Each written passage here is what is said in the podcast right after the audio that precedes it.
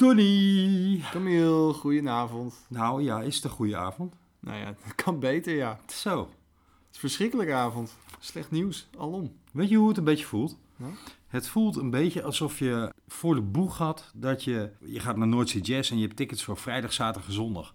Omdat je favoriete bands komen. Omdat je op zondag net zoveel mooie bands hebt gezien als op vrijdag. Dus je wil allemaal en je hebt dat paspartout gekocht. Bootsy Collins komt. En ineens stort dat gebouw in op zaterdag. Hè? Dat is, het, het is net alsof je... Ik wou zeggen, Bootsy Collins komt niet meer, maar... Het is alsof je je verjaardag viert en je, je hebt een verlanglijstje gemaakt en je weet je krijgt dat en dat en dat en dat. En het is allemaal heel erg, maar jouw feestje gaat niet door. Ja, Ja, dat is verschrikkelijk. ik constateerde nog iets anders.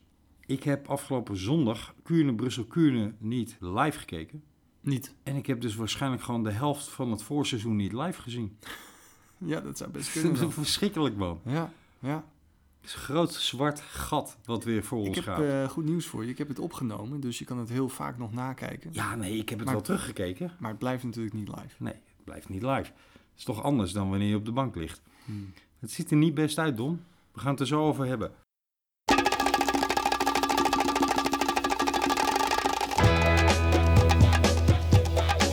De Velofilie Podcast.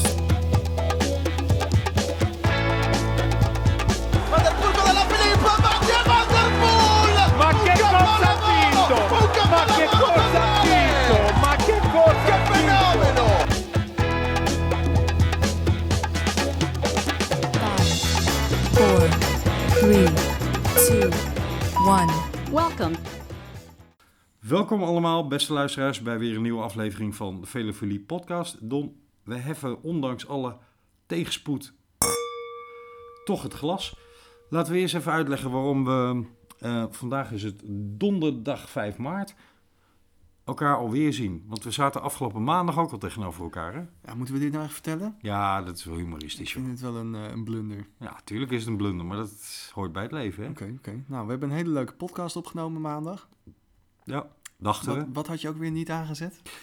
We waren ehm, een klein beetje, nou je, ik kan nu wel ineens in mijn schoenen schuiven, eh, schone slaapster. Maar ehm, volgens mij hebben we allebei niet gecheckt of we als audio input voor onze opname wel de microfoon geselecteerd hadden. Hmm. En wat bleek? Dat bleek onze laptop te zijn en die neemt toch een stukje minder best op. Dat is eh, niet zo'n eh, aangenaam geluid. Zo, ik heb er nog, ik denk twee uur al lopen sleutelen om te kijken of ik met allerlei filters en, en eh, high en low passes en weet ik van wat allemaal iets van fatsoenlijk geluid erin kon krijgen, maar het was gewoon niet te doen. Nou, je hebt van die sporten zoals onderwater fietsen, onderwater hockey en dit was een onderwater podcast. Zo klonk het. Ja, nou, ik wil Ben de Graaf best bij onderwater biljart eh, drie banden horen, maar eh, ik wil geen podcast over wielrennen onder water eh, hebben. Over onder water gesproken, het begint mij iets te veel traditie te worden dat ehm, als ik mij bij jou vervoeg in Amsterdam-West, is toch een klein stukje fietsen voor mij vanuit Batuverdorp, dat ik dan ineens ehm, gigantische regenbuien tegenkom. Ja, maar dit is, dit is niet normaal deze winter. Echt, het is geloof ik de natste maand. ehm, Jij bent niet de enige hè, die, die elke keer wordt nat geregend. Ik, ik ga elke keer als ik naar mijn werk fiets, Ga je nat? dan ga ik knijten nat. Terwijl je toch aan een 0.0 Dan kan zit. geen mooie Nel eh, tegenop. Kortom, het is kommer en kwel. Nou, eh, leuk dat jullie allemaal weer luisteren. We hadden dus wat eerder in, eh, in de ether willen zijn. Ik zeg wel eten, maar dit is een podcast, dus juist niet in de eten. Maar we hadden al wat eerder een uitzending voor jullie klaar willen hebben. Die hadden we opgenomen. Oh Is man, wat een zo'n mooie voorbeschouwing op de Strade Bianchi. Goed dat we die niet live hebben. Nee, dat scheelt, is ja. Toch weer achterhaald. We zijn lekker actueel nu. We zitten bovenop het nieuws. Gaan we het zo over hebben. Laat ik even beginnen, eh, Don, met een mailtje wat we de afgelopen tijd eigenlijk in de vorige uitzending gemist hadden en wel even moeten behandelen. Het is een mailtje van Steep. Hij heeft dus gemaild naar velofiliepodcast.gmail.com omdat hij constateerde dat wij in onze vorige uitzending het gehad hadden over de kledingcodes en de Veluminati. En ik had nogal fanatiek geroepen dat als je in een teamkit rondrijdt, dat je dan een bedrieger bent. Heb je gezegd een bedrieger? Ja, Die letterlijke woorden? nou ja, met een klein beetje uitleg eromheen, maar het kwam er wel min of meer op neer. Nou, Ja. Dat was niet positief, denk ik. Nou, het was uiteraard ironisch. Maar Steep schreef: Heren, de laatste podcast net geluisterd. Allemaal prima. Wielenpraat door twee liefhebbers. Maar, hele dikke maar. Moesten we niet eens af van het stomme gebruik dat je niet in de outfit van je favoriete wielenploeg mag fietsen?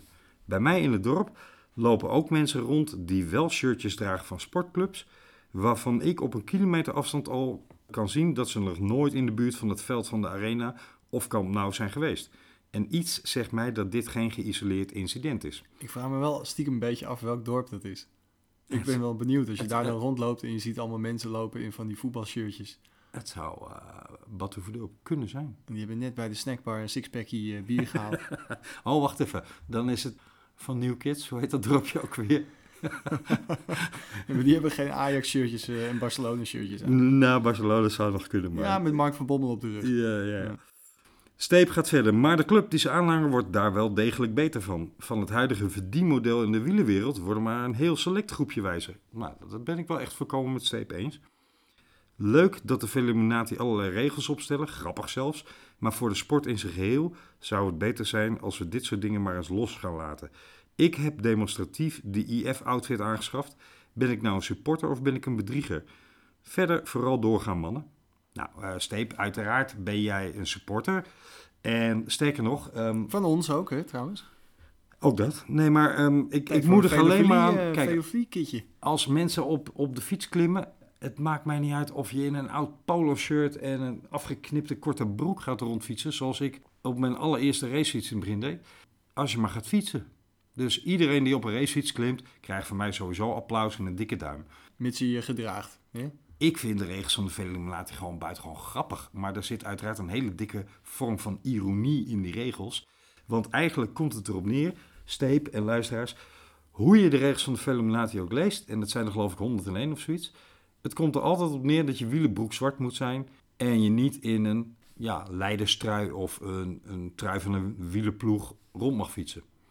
En nou zijn er ook wel weer mensen die zeggen: ja, maar als die wielenploeg al tien jaar niet meer bestaat, dan mag het wel. Of als het shirt van, ik noem maar wat, Mobistar nu eh, van 15 jaar geleden is. Want Mobistar bestaat natuurlijk nog. Maar als je dan een shirt van 15 jaar geleden hebt, dan mag het weer wel. Dan is het retro. Joh, het zal mij echt, zoals dat op zijn plat Amsterdams heet, amareet roesten.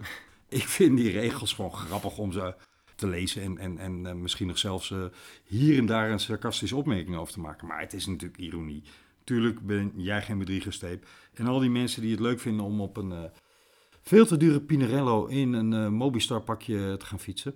Ja, prima. Hoe meer mensen op een racefiets, hoe beter ik het vind. Voor mij mag het ook hoor. Mag geen wereldkampioenstruitje zijn. Zeker niet voor Mobistar. Nee, en ja, ik, ik kan er gewoon persoonlijk slecht tegen als ik aan het fietsen ben en ik kom, het gebeurt de laatste tijd eigenlijk veel te weinig, maar en ik kom dan iemand in die o zo platte polders in Nederland in een bolletjestrui tegen bijvoorbeeld. Dan denk ik wel bij mezelf, er is toch ergens iets niet goed gegaan. Is dat niet oh, ironie? Het, dat zou ook de opperste vorm van sarcasme kunnen zijn, ja. En dan is het misschien wel weer heel leuk. Ja, maar... Kom nog bij dat het eigenlijk een heel lelijk shirt is, toch? De Tuurlijk. bolletjestrui. Ja, ja, absoluut. Dankjewel voor je mailsteep. Hebben jullie nou naar aanleiding van het luisteren van deze of een van onze andere podcasts een opmerking? Of wil je ons terechtwijzen op iets? Of wil je punten naar voren brengen? Of wil je juist zeggen, hé, hey, waarom hebben jullie het hier of hier nooit over? Stuur dat dan vooral naar ons toe. We ontvangen het graag. die podcast.gmail.com. Heel goed. En wat nog leuker zou zijn, en waar je ons, maar niet alleen ons, maar vooral ook iedereen die geïnteresseerd is in wielrennen. En de meeste wielrenners zijn ook wel heel geïnteresseerd in wielenpodcasts. Waar je ook die mensen een lol mee doet, is als je een recensie wil plaatsen op Apple Podcast of Apple iTunes, zoals dat vroeger heette. Maar dan niet per se over onze podcast. Wel over onze podcast uiteraard, want anders vinden ze een andere podcast als je het daarover gaat hebben. Jij Camille, jij bent altijd heel erg eh, gul met complimenten over andere podcasts. Ja, waarom ook niet? Nou, nee, terecht. Ja. Ben ik met je eens. Ik luister er een stuk of 35. Ja, waarom zou ik daar niet positief Dat over is wel zijn? heel veel. Ja, maar ik- niemand heeft gezegd dat ik ooit normaal was, of wel? Nee, integendeel Camille. Daarom. Enfin, laten we verder gaan, Don.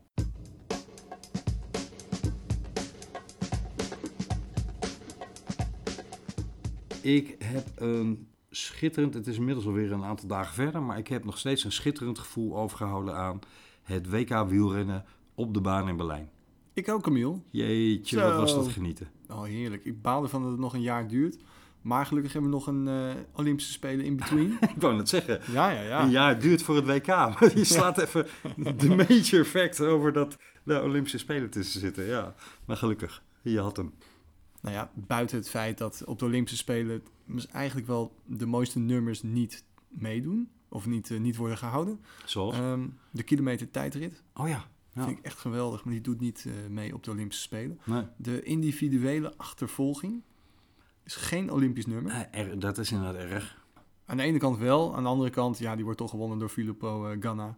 Dus ja, Ja, kunnen- geef, geef die man alvast die medaille. dat is geen argument om hem niet op het programma te hebben natuurlijk. Nou, op dit moment misschien wel. Nou ja, oké. Maar dan zou je ook kunnen doortrekken, die redenering. En dan wordt misschien wel de teamsprint afgeschaft. En Nou, de sprint. Ik, ik wou het En- zeggen. Eh, Inmiddels weten we, dat wisten we maandag nog niet, en ik zal er niet te vaak op terugkomen, maar weten we nu donderdag wel, dat Nederland negen plekken heeft toegewezen gekregen voor het wielrennen door het Internationaal Olympisch Comité. Oké. Dat is dus naar verwachting. Overigens, ik had het nu eigenlijk alleen even over de mannen. Dus het zijn niet het Ja, totaal aantal plekken, maar het zijn de mannen. Eh, maar ja, ik dan moet ook dat de nog vrouwen net zoveel plekken krijgen, toch? Nee, dat is 9 om 7 Oh, uit mijn dat hoofd. vind ik, een, eh, vind ik een schande. Ja, dat heeft dan weer te maken met de prestaties door het seizoen heen. Hè? En Oh, niet met ongelijkheid tussen man en vrouw. nee, we hebben gewoon een aantal minder dames die op de baan meedoen eh, om de medailles. We hebben een aantal toppers, maar het zijn er minder dan bij de mannen. Dus die die mannen- Bijna, bijna net zoveel medailles. Ja, maar die mannen die halen dus meer punten bij alle eh, World Cups. Hm. En dus, ja, net zoals bij schaatsen, zijn er meer gekwalificeerd. Oké, Ja. enough. Fair Maar we hebben negen plekken bij de mannen. En ja, laten we wel zijn, dat zijn eigenlijk negen kansen op goud. Reken maar. Toch? Ja, ja, zeker. Want Ja. we hebben een fantastisch team voor de teamsprint. Meer dan fantastisch. En, en, eh, breken twee keer het wereldrecord. Ik zou normaal gesproken zeggen out of this world. Ja, zeker. En dat vonden ze eigenlijk zelf ook. Ja, Eh, Letterlijk zeiden ze in interviews, ja, dit, dit is niet normaal. Dit is ze geven, out of het, this world. ze, ze geven het ruiterlijk toe. Ja. Hè? Maar jongens, eh, die, die, die knallen even het wereldrecord op de teamsprint. Een halve seconde ruim, bijna zestiende volgens mij naar beneden. ja, en twee keer. En twee keer. Halve finale en de finale. En het, kwam, het wereldrecord was gevestigd volgens mij door de Duitsers op een hooglandbaan. Oftewel een baan waar je veel minder luchtweerstand hebt. Hè? De beroemde truc voor het werelduurrecord. En die gaat ook niet meer op, hè? Het werelduurrecord op hoogte. Nou, Tenminste, sinds Wiggins gewoon even in... eh, wanneer was het? In, in Manchester of Londen? ja, in Londen. eventjes eh, even een dikke paar kilometers erbovenop legde. Ja, oké, maar daar heeft eh, Victor Kampenaerts nu weer van bewezen dat hij op hoogte daar gewoon overheen kon. Ja, dat is waar. Maar Kamp Kampenaerts is natuurlijk nog geen Wiggins wat dat betreft.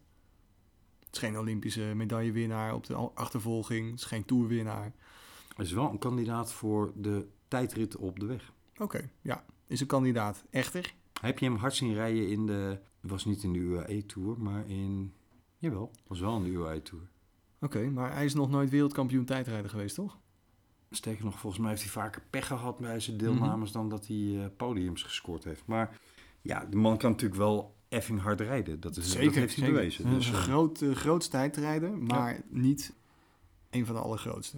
nee, en bovendien heeft hij uit eigen land een van de grootste concurrenten voor die tijdrit op de weg. Inmiddels, ja, ja. En laten we wel zijn. De jeugd achtervolgt hem. Nou ja, ik denk dat hij hem al voorbij is. Hè. We hebben het over Remco Evenepoel. Remco Evenepoel is natuurlijk de kandidaat voor goud. Als, sla ik even Ineos over, onze eh, wereldkampioen Rowan Dennis. Ja, natuurlijk. Ik, Ja. ik, ik moet even wennen dat hij bij Ineos rijdt. Ik heb, Geloof niet, jij er nog in, Rowan Dennis? ik heb hem nog niet zien rijden eh, bij Ineos. Ja, Op een Pinarello. Maar als jij nu, dit slaat nergens op, want we zitten ruim een half jaar voor de Olympische Spelen. Maar als jij nu een weddenschapje moet inzetten, Unibet, Roland Dennis op de Olympische Spelen? ja, of Remco Evenepoel. Hmm, heel spannend. Ja? Heel spannend, ja. Ik zou er niet zo snel een, een beetje op zetten. Ik denk dat ik toch wel voor Evenepoel eh, zou spelen. We dwalen af van het onderwerp, Don. Want we hadden het over de baan. Jeffrey Hoogland, Roy van den Berg, Harry Lefrijs en Matthijs Bugli. Wat een helder. Die moeten ook wel alle vier kunnen gaan. Ja. Want wat is daar het grote voordeel van? Nou ja, dat je een extra mannetje hebt voor de voorrondes. Dat je, je dan kun je Jeffrey Hoogland kun je hem nog even sparen. Ja, want stel dat luisteraars nou nog nooit naar een, een eh, WK op de baan hebben gekeken... of Olympische Spelen op de baan... kan hem haast niet voorstellen, maar het kan. Oké, oké, oké. Zal ik het even uitleggen? ja, een teamsprint bestaat uit kwalificaties, hè? Ja, zeker. Ja. Kwalificaties. We hebben eigenlijk drie rondes. Ja. Eh, de kwalificatie, dan de halve finale en dan de finale. Ja. En Met hoeveel mensen? nou ja, er zijn drie man in de baan. Ja. En die vertrekken met z'n drieën Ja. tegelijk. Ja. En na één rondje valt de voorste af. En na nog een rondje valt weer de voorste af. En dan blijft er nog maar één over. En zo heb je drie rondjes gereden. Waarvan één man één rondje, één man twee rondjes en één man drie rondjes heeft gereden. Ja, Op z'n aller, allerhardst. ja. Maar ze hebben ook alle drie een specifieke functie, want je hebt de starter. Hè? Ja. Dat is eh, in dit geval eh, Roy van den Berg. En zijn taak is eigenlijk om zich volledig, maar dan ook volledig kapot te rijden over die eerste 200 meter. Ja. Hè? Die zie je als een, als een malle proberen dat enorme verzet op gang Maar te je zegt brengen. het goed, het is maar 200 meter. Dus dat zou je wel eh, drie keer kunnen. Dus Ja. in een kwalificatie, halve finale en een finale. Ja. Eh, het is vooral de derde man die drie rondjes volle bak moet knallen. Dat doet echt zoveel pijn. Eh, het is wel fijn om daar toch een reservejongen voor te hebben. Nou, de, de- het team wat het wereldrecord rijdt, reed op elke positie. Dus de starter, in dit geval Roy van den Berg. Nummer twee, dat is eigenlijk vast Harry Lafrijzen nu in het team. Hè? Zeker. Die rijdt het tweede rondje. En de finisher is in dit geval Jeffrey Hoogland of Matthijs Bugli. Bij het wereldrecord was het Jeffrey Hoogland. Ze hebben allemaal een PR op hun rondje gereden, zeg maar. Ja, op hun, op hun Dus afstand. Ja. Ze zijn allemaal in topvorm. Maar het is goed om daar een vierde man bij te hebben, omdat je dan juist die derde man kunt afwisselen tussen de onderlinge kwalificaties. Ja, ja, en het zal me niks finale, verbazen als, ze, als ze die vierde man echt nodig gaan hebben. Want eh, nu rijden ze dan een dik wereldrecord, een seconde sneller dan de nummer twee, de Engelsen. Maar die Engelsen, die hebben altijd nog wel een paar tricks up their sleeves. Ja, volgens... Als Ja, sorry? Ja, als, als de Olympische Spelen komen, dan, dan worden ze waarschijnlijk een seconde sneller ineens. En dan wordt het misschien wel echt een close call. veel, hè? Ja, oké. Volgens ja, Theo Bos was het ongeveer een halve seconde. Dat zou kunnen. Theo Bos heeft wat dat betreft waarschijnlijk Ervaring. iets meer ervaring dan ik. Maar Hij heeft ik, het letterlijk ondervonden. ik waak wel voor die Engelsen. Want ik, eh, ik herinner me altijd nog wel eh. Londen 2012, waarin ze zoveel enorme prestaties leverden die niemand ooit voor mogelijk had gehouden. Fair enough. In 2016 was dat natuurlijk ietsjes genuanceerder aan het worden, dat beeld al. Ja, ja, maar het was nog steeds wel heftig. Ja, ze kwamen wel echt uit het niets, kwamen ze daar ook weer even ongeveer alles wat goud was wegkapen. Ja, ja. Maar de verschillen waren minder groot dan in 2012. Ja, ik heb veel contact met ehm, John Galloway op eh, Twitter hoor. Dat is een van de makers van de Fellowcast, een eh, Schotse podcast over wielrennen. Buitengewoon luisterenswaardig, vind ik. Ja, geweldige accenten. Ja, echt. Je moet in het begin even wennen aan, aan eh, ja, hoe het klinkt. De eerste keer dat ik ging luisteren, dacht ik echt, nou, het is niet te verstaan dit. Maar als je er, eh, het is een beetje een acquired taste, als je er eenmaal aan gewend bent. Die gasten hebben echt ons, ongelooflijk veel koerskennis, maar ze hebben ook een leuke vorm van humor. En ja, ze hebben het over, over vrouwen alle aspecten van het fietsen. Maar ook veel meer over British cycling dan wij doen. Omdat, ja, het is een beetje bij ons hè, de concurrent in het algemeen. Of het nou eh, Team Ineos is of op de baan. Dus wij zijn geneigd iets meer te focussen op, eh, op het Europese wielrennen, zullen we maar zeggen. Maar zij zitten heel erg in dat British cycling. En John zei tegen mij, eh, ik weet niet of ze dit gat nog wel goed gaan maken hoor. Richting de Nederlandse Nee, maar dat kan ik me ook wel voorstellen. Die schrok dus dat het 1,2 seconden was. Dat, Ja. dat was in Ah, zijn ogen wel even iets te veel. Maar ze gaan nog wel dichterbij komen. Zeker. Dat, is ik, altijd zo. Hè? En ze hebben ook die nieuwe fiets, hè? Die gekke, rare fiets, de Hope Lotus Bike. Met die brede vorken, zowel voor en achter. Waarvan iedereen zegt die die fiets ziet. Wat een dit- lelijk ding. Wat- nou, niet alleen dat, maar hoe kan dit in godsnaam door de UCI-keuring zijn gekomen? Hè? Dat, die rare brede voorvorken en die achtervork. Als je dan naast iemand rijdt, dan, dan kom je toch met je knie tegen die vork aan. Het leuke is, om je heel kort even te onderbreken. Wij ehm, volgen allebei. Dan ga ik weer hetzelfde zeggen als ik maandag zei. En toen zei hij, ik volg hem niet. Maar je kijkt hem af en toe wel. Wij kijken allebei naar een ehm techneut. Volgens mij is hij van origine Frans. Maar hij eh, doet zijn filmpjes in Engels op YouTube. Hij hè? klinkt eh, best wel Engels. eh. Ja, hij geval spreekt zo'n. Brits. Ja, hij heeft een goed Brits accent. Hambini heet hij. Hambini. Hambini. Maar die heet... Nou ja, hij vloekt een pato. Nou, Ja, je moet er absoluut tegen kunnen hoe grof die in de mond is. Hij maakt echt gehakt van de technische uitvoering van die fiets. Niet zozeer het aerodynamische design, dat overigens ook wel een beetje, maar veel meer nog. Er zitten een aantal van die aluminium verbindingsstukken in. Jij noemt het aluminium, maar dat is eh, titanium. Of titanium. Nou, volgens mij zijn er ook stukken aluminium hoor. Nou, maar dus dat zei hij tenminste. Hè? Met, met carbon. Hij, hij noemde het aluminium, maar hij had het eh, verkeerd. Ja, oké. Maar het is dus een, een, een eh, verbindingselement wat in de vork zit bijvoorbeeld. Omdat dat om een of andere reden van titanium moet zijn en niet van carbon kan. En als je dan, eh, hij laat dan de joint zien tussen dat titanium en dat carbon. Ja. Ja, dat ziet er inderdaad ook niet echt uit. Een beetje knip- en plakwerk. Zo'n eh, een beetje kleuter. eh, Maar het verbaasde mij ook een beetje, want we hebben natuurlijk diverse fietsen gehad waar bijvoorbeeld een, een carbon achter- en voorvork op zat op een aluminium of titanium frame. Ja, dat is stonden ook... niet bekend als de best hechtende materialen aan elkaar. hey, rustig aan, rustig aan. Dus- Mijn vriendin die rijdt nog op zo'n fiets. Ja, ja, ja, maar er zijn er Dus, eh, eh, de super- nodige gesneuveld omdat... Is eh, super trots op de Bianchi. die en ga jij zeggen niet, dat hij elk moment uit elkaar kan vallen. nou, eigenlijk wel. Het is gewoon een- dat jij je vri- vriendin erop laat fietsen, man. Zwaar risico. Maar ze wil geen andere. hey, wat hadden we er meer op de baan? We hadden een hele grote verrassing op de kilometer. Ja, Sam Nichtlee. Wat een held. Wat een held, hè? Ja, ja, ja, geweldig. Die Want- heeft ook weer iets laten zien wat, wat onvermogelijk, eh, wat niet voor mogelijk werd gehouden. Nou, ten eerste, hij reed een, een fantastische tijd, maar... Ja, onder de minuut. Hij was niet de enige onder de minuut. Nee. Dat was die Fransman Lafargue. Ja, de Eh, grote favoriet. Eigenlijk, ja, de grote favoriet inderdaad. Maar wat Sam Nichtlee deed, hij reed hem in de halve finale. Of, of in, in de kwalificatie reed hij al onder de minuut. Ja. Net als Lafargue. Maar in de finale was hij de enige die sneller reed dan zijn kwalificatietijd. Je moet je voorstellen bij die kilometer, dan ga je van start. Je moet vier rondjes helemaal voluit gaan. Je gaat helemaal in het zuur. Je, tot, totdat je over je nek gaat bijna. Je kan niet meer lopen als je van die fiets komt. Ja. En eh, als je dat één keer hebt gedaan, eh, dan moet je een uur later moet je nog een keer. Dan ga je echt geen snellere tijd rijden. Maar Sam. Nichtlee deed het wel. ja. Ja, als enige. En dat was best wel, best wel knap. Een echt Is dat dan out of this world again? Of? Nou ja, dat, dat zou je zo kunnen noemen. Dat doe ik Het niet. komt niet vaak voor. Nee, het komt zeker niet vaak voor. Nee. Nee. nee, nee, Maar dat zegt wel iets over zijn herstelvermogen en over zijn vorm. Zeker. Held. Ook een held. Kirsten Wild. Een grote heldin. Ja. Zeker. Ja, ja, ja. ja prachtig gereden. Had, had toch na het EK in oktober... had ze een beetje zo'n gevoel van... oké, ik versla hier ehm, Kelly wel. Laura Trott. Eh, Ja, Laura Trott, Kelly. Ja, Kelly. Trott. eh, haar grote rivale... Die, die meestal toch van haar Kirsten Wild wint, hè? In het verleden. Maar nu was het dus in oktober bij het EK Kirsten Wild. Die haar klopte, maar die had zoiets van... ja, maar die is gewoon nog niet in vorm. En dit is een pre-Olympisch jaar, dat telt allemaal niet.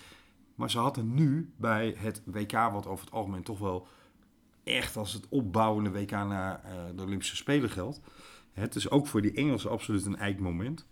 Had Ja, ze er weer te Trott pakken. had ze, had ze weer tuk. En van kop af, hè. Ja, Trot kan er niet meer overheen. En ook nog, eh, wat we misschien vergeten te zeggen, ze werd een paar keer onderuit gekegeld, hè, die Zo. eh, Kirsten Wild. Die kreeg harde kwakjes. Ja, die heeft twee gouden medailles is ze daar dan misgelopen. Eentje op de Omnium en één keer op de, Het leek het, op de. Japanse keirin. Oh nee, nee, op de... Ja, wat zeg je? Het leek het Japanse keirin wel met Ja. die kwakken. Joh. Ja, niet normaal. Ja. En zij Nou, werd gedisqualificeerd om een kwak. Maar ze kregen Klopt minstens twee net zo hard terug, hè. En die mensen werden niet Nee. gedisqualificeerd. Ja, dat vond ik ook een beetje verbazend.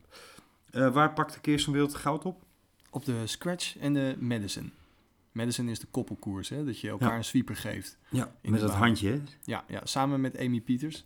Oh ja, moeten we zeker ook benoemen. Ja, ja. Het heet trouwens de Madison, omdat de koppelkoers vroeger in Madison Square Garden werd gehouden. En Ja. het echt over de jaren 0 of jaren 10. Dus echt een klassieke, klassieke discipline. Ja, de koppelkoers, daarom heet het de Madison. Ik vond het wel mooi. Ja, dat, dat, een, een deel van het baanprogramma komt gewoon rechtstreeks uit Amerika. Is er eigenlijk daar ontstaan. Ja, dat was gewoon Ja, een die- kermis. ja, precies. Zes dagen lang. Vandaar de zesdaagse. Hè? We hadden een fantastisch WK. Ik heb ervan genoten. Ik hoop echt dat wij mensen zo enthousiast krijgen om naar dat baanwielrennen te gaan kijken. Er is overigens ook nog een leuk semi-positief nieuwtje te melden over de baan. Je weet dat ik wel eens tekeer ga tegen de plannen van de UCI hè, om Nou, de jij baan... niet, niet alleen, jij Nou niet ja, alleen. Klopt, maar jij wil wel eens dat ik mijn mond erover hou, omdat je er depressief van wordt. De UCI wil dus eh, het hele baanprogramma gaan hervormen. En daar hebben ze in eerste instantie een programma voor gemaakt... wat eigenlijk de commerciële ploegen zoals Beat en eh Hub Wattbike in, eh, in Engeland... eigenlijk helemaal uitsluit. Een alternatief apart circuitje ging geven. En nu is er een revisie van de voorstellen. Sowieso zijn die voorstellen al een heel stuk uitgesteld, want ze gaan niet eerder dan eind 2021 in, volgens mij. En er lijkt licht door een kiertje te komen wat betreft de deelname van die commerciële ploegen. Ja, ze hebben, Aan het reguliere circuit, zullen we maar zeggen. ja, ze hebben laten doorschemeren dat toch misschien wel de commerciële ploegen toegelaten worden tot een deel van het programma. Ja, en dat zou buitengewoon goed nieuws zijn, want de reden dat bijvoorbeeld in Nederland het baanwielrennen zo'n jump gemaakt heeft, zit hem in goede coaches aanstellen, zit hem in goede begeleiding, goed materiaal, maar voor een deel ook gewoon in het aantal uren wat die gasten op de baan rond kunnen rijden.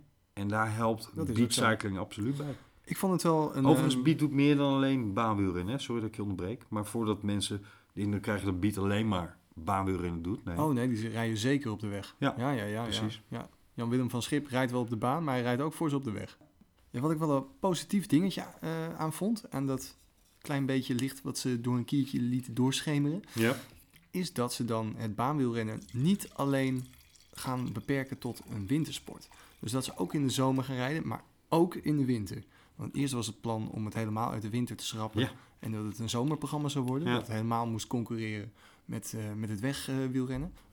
nu gaan ze dus beide doen. En het positieve daaraan zou zijn dat ik bijvoorbeeld ook in de zomer misschien wel op de wielbaan in Sloten zou kunnen rijden.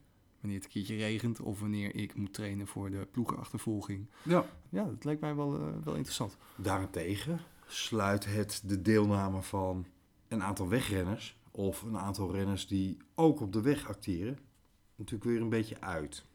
Ja, daar heb maar je het is wel een verbreding ten Ja. opzichte van het, het oorspronkelijke idee. Ja, ik ben benieuwd of het dan inderdaad leidt tot een polarisering van of je bent een baanwielrenner Hallo. of van de weg. Als er iets in het wielrennen kan polariseren, dan gebeurt het. Dus ja. Ja. Hey, over polariseren gesproken. Mooi bruggetje, Don. Tik hem aan, ouwe. Ja, Er is op dit moment natuurlijk van alles en nog wat gaande. We hebben jullie even geprobeerd lekker af te leiden. Door het even over de WK op baan eh, in Berlijn te hebben. Maar de realiteit is natuurlijk gewoon dat voor ons gaapt een groot donker zwart gat. Genaamd voorseizoen. het donkere zwarte gat waar het voorseizoen op ligt. Al het licht verdwijnt in het zwarte gat. Het is verschrikkelijk. Ja. Ja. Want inmiddels is duidelijk, daar waar het de hele week heen en weer pingpongde tussen RCS, de organisatie van ehm, onder andere Strade Bianchi, en Milan Sanremo en de Giro d'Italia. Dat is ook nog niet helemaal ehm, out of the picture, dat die eventueel ook geen De doorgang kan gaan hele vinden. Giro? Ja, je weet niet hoe dit virus Oh zich my blijft. Drie, God. 3000 besmettingen in Italië inmiddels hè? en 187 doden geloof ik.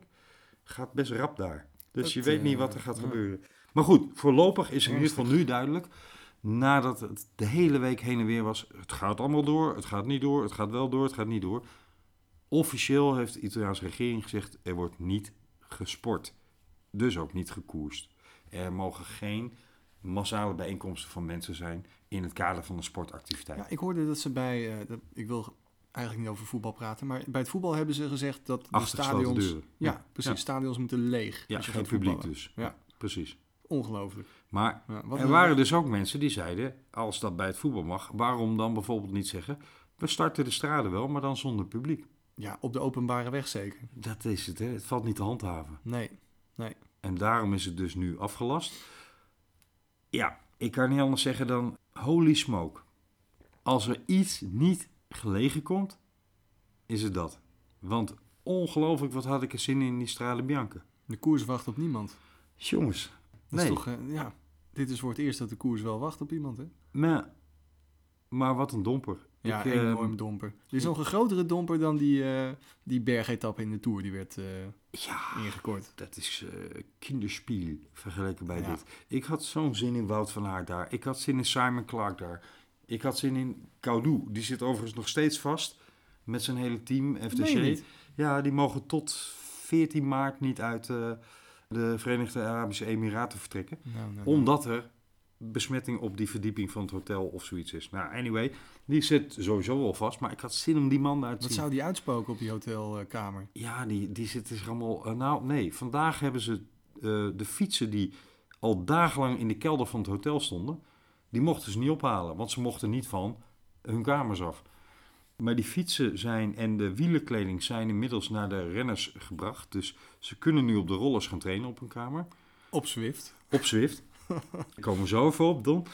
Die kleding is echt helemaal eh, high-tech ontsmet. En die fietsen ook, enzovoort. Ja, het, onder andere ons voormalig Nederlands kampioen bij FTC, Sinkeldam. Ramon Sinkeldam. Die zit op de kamer met Arno de Maar, volgens mij. Verveelde zich helemaal de touw eh Ik begrijp wat je bedoelt.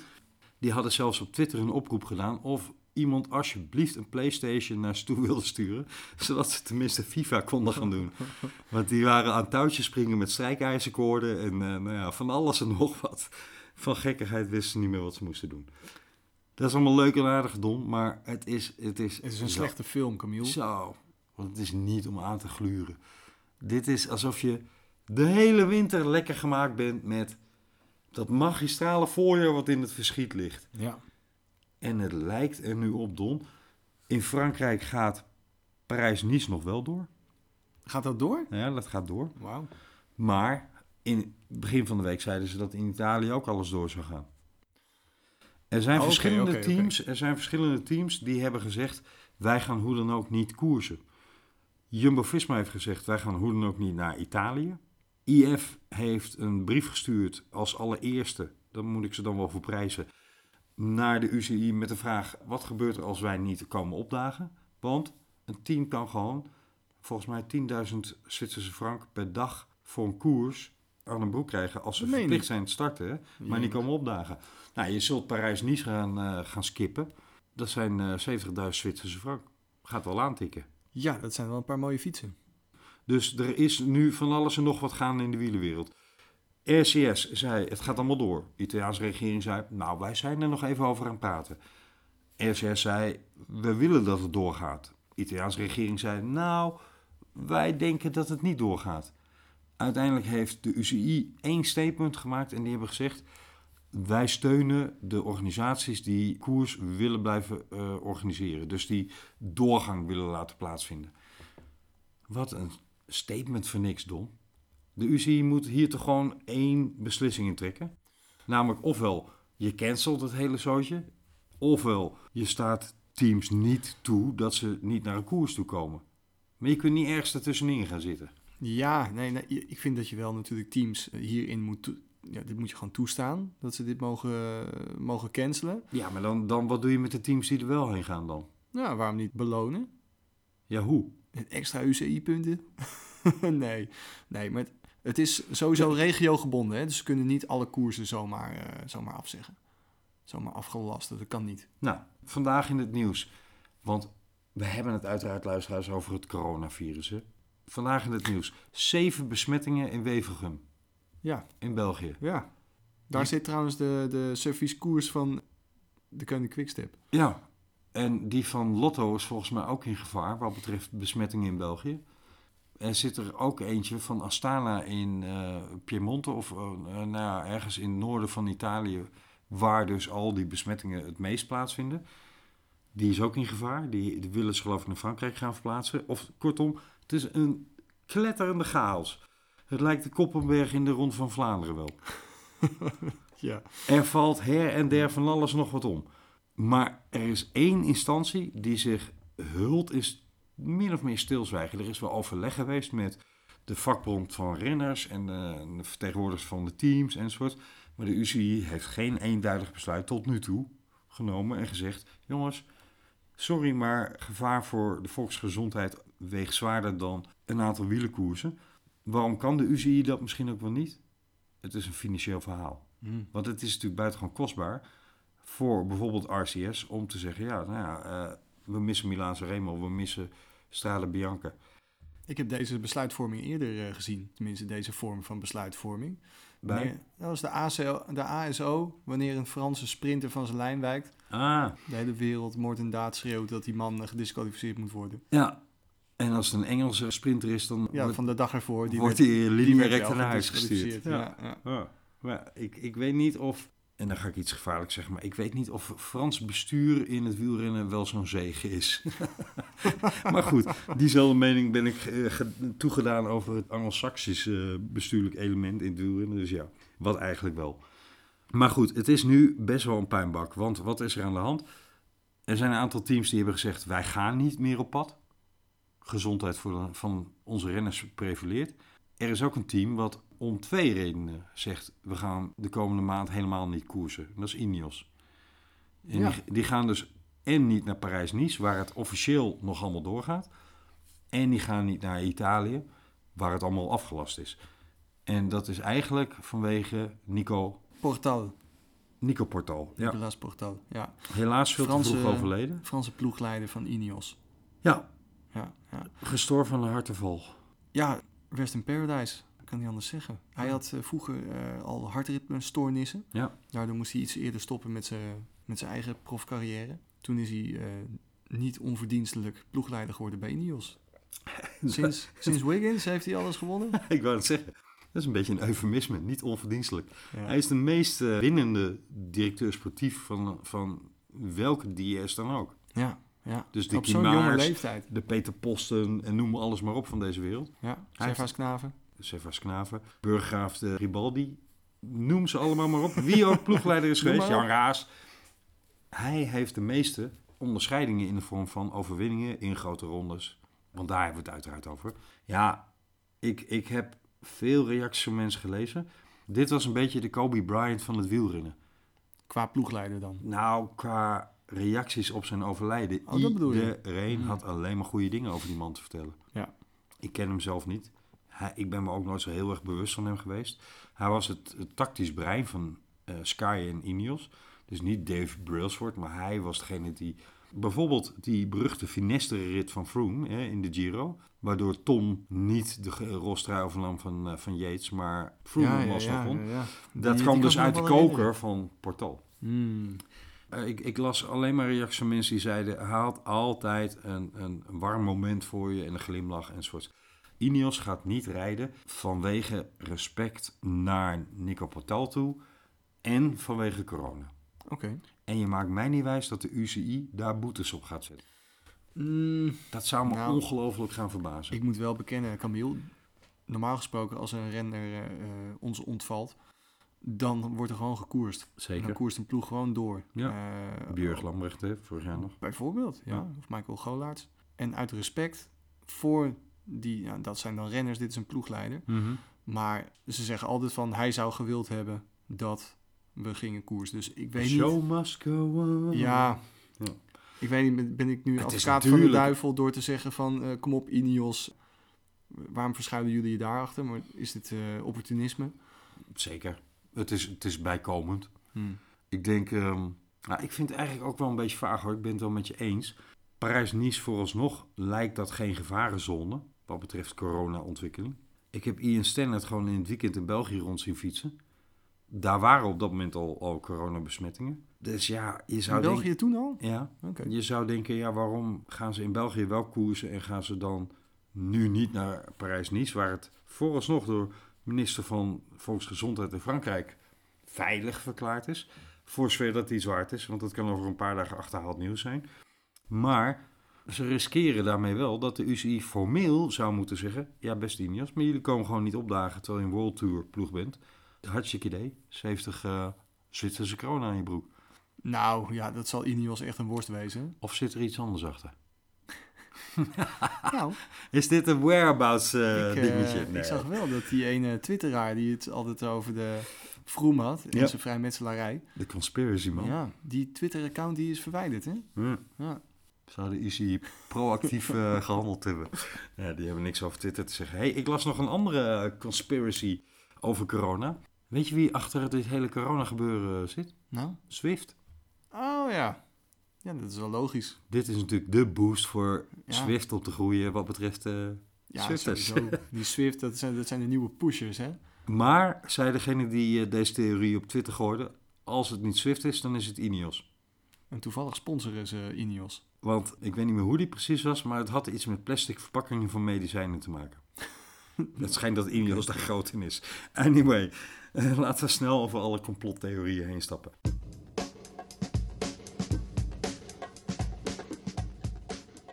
We hebben gelukkig, Don, nog wel even twee koersen gehad in het weekend. Ja, ik En ben ik heel blij dat, dat we dat toch de komende weken- gezien. ja, Ja, ja, stel je voor dat dat was eh, afgelast. Zo, nou. Dan hadden we hier helemaal met de bek vol tanden gezeten. Ik heb echt als een malle genoten van Omloop het Nieuwsblad. Ja, ik vond Kuurne ook wel mooi. Maar de omloop was echt prachtig, ja. Ik ben- Ik ben uit een soort van eh, hang naar nostalgie geneigd om nog steeds Omloop het Volk te zeggen. Ja, is ook mooi hoor. Ja, maar weet je, de, het volk was vroeger de grote tegenhanger wat betreft krant van het nieuwsblad. En het volk richtte een tegenhanger van de Ronde van Vlaanderen op. En dat werd dus Omloop het Volk. Ah, oké. Dat het nooit de status van de Ronde van Vlaanderen gekregen heeft. En dat het daarna uiteindelijk door een fusie van eh, de krant Het Volk met de krant Het Nieuwsblad nu Omloop het Nieuwsblad is geneten, is in dat opzicht wel een beetje ironisch.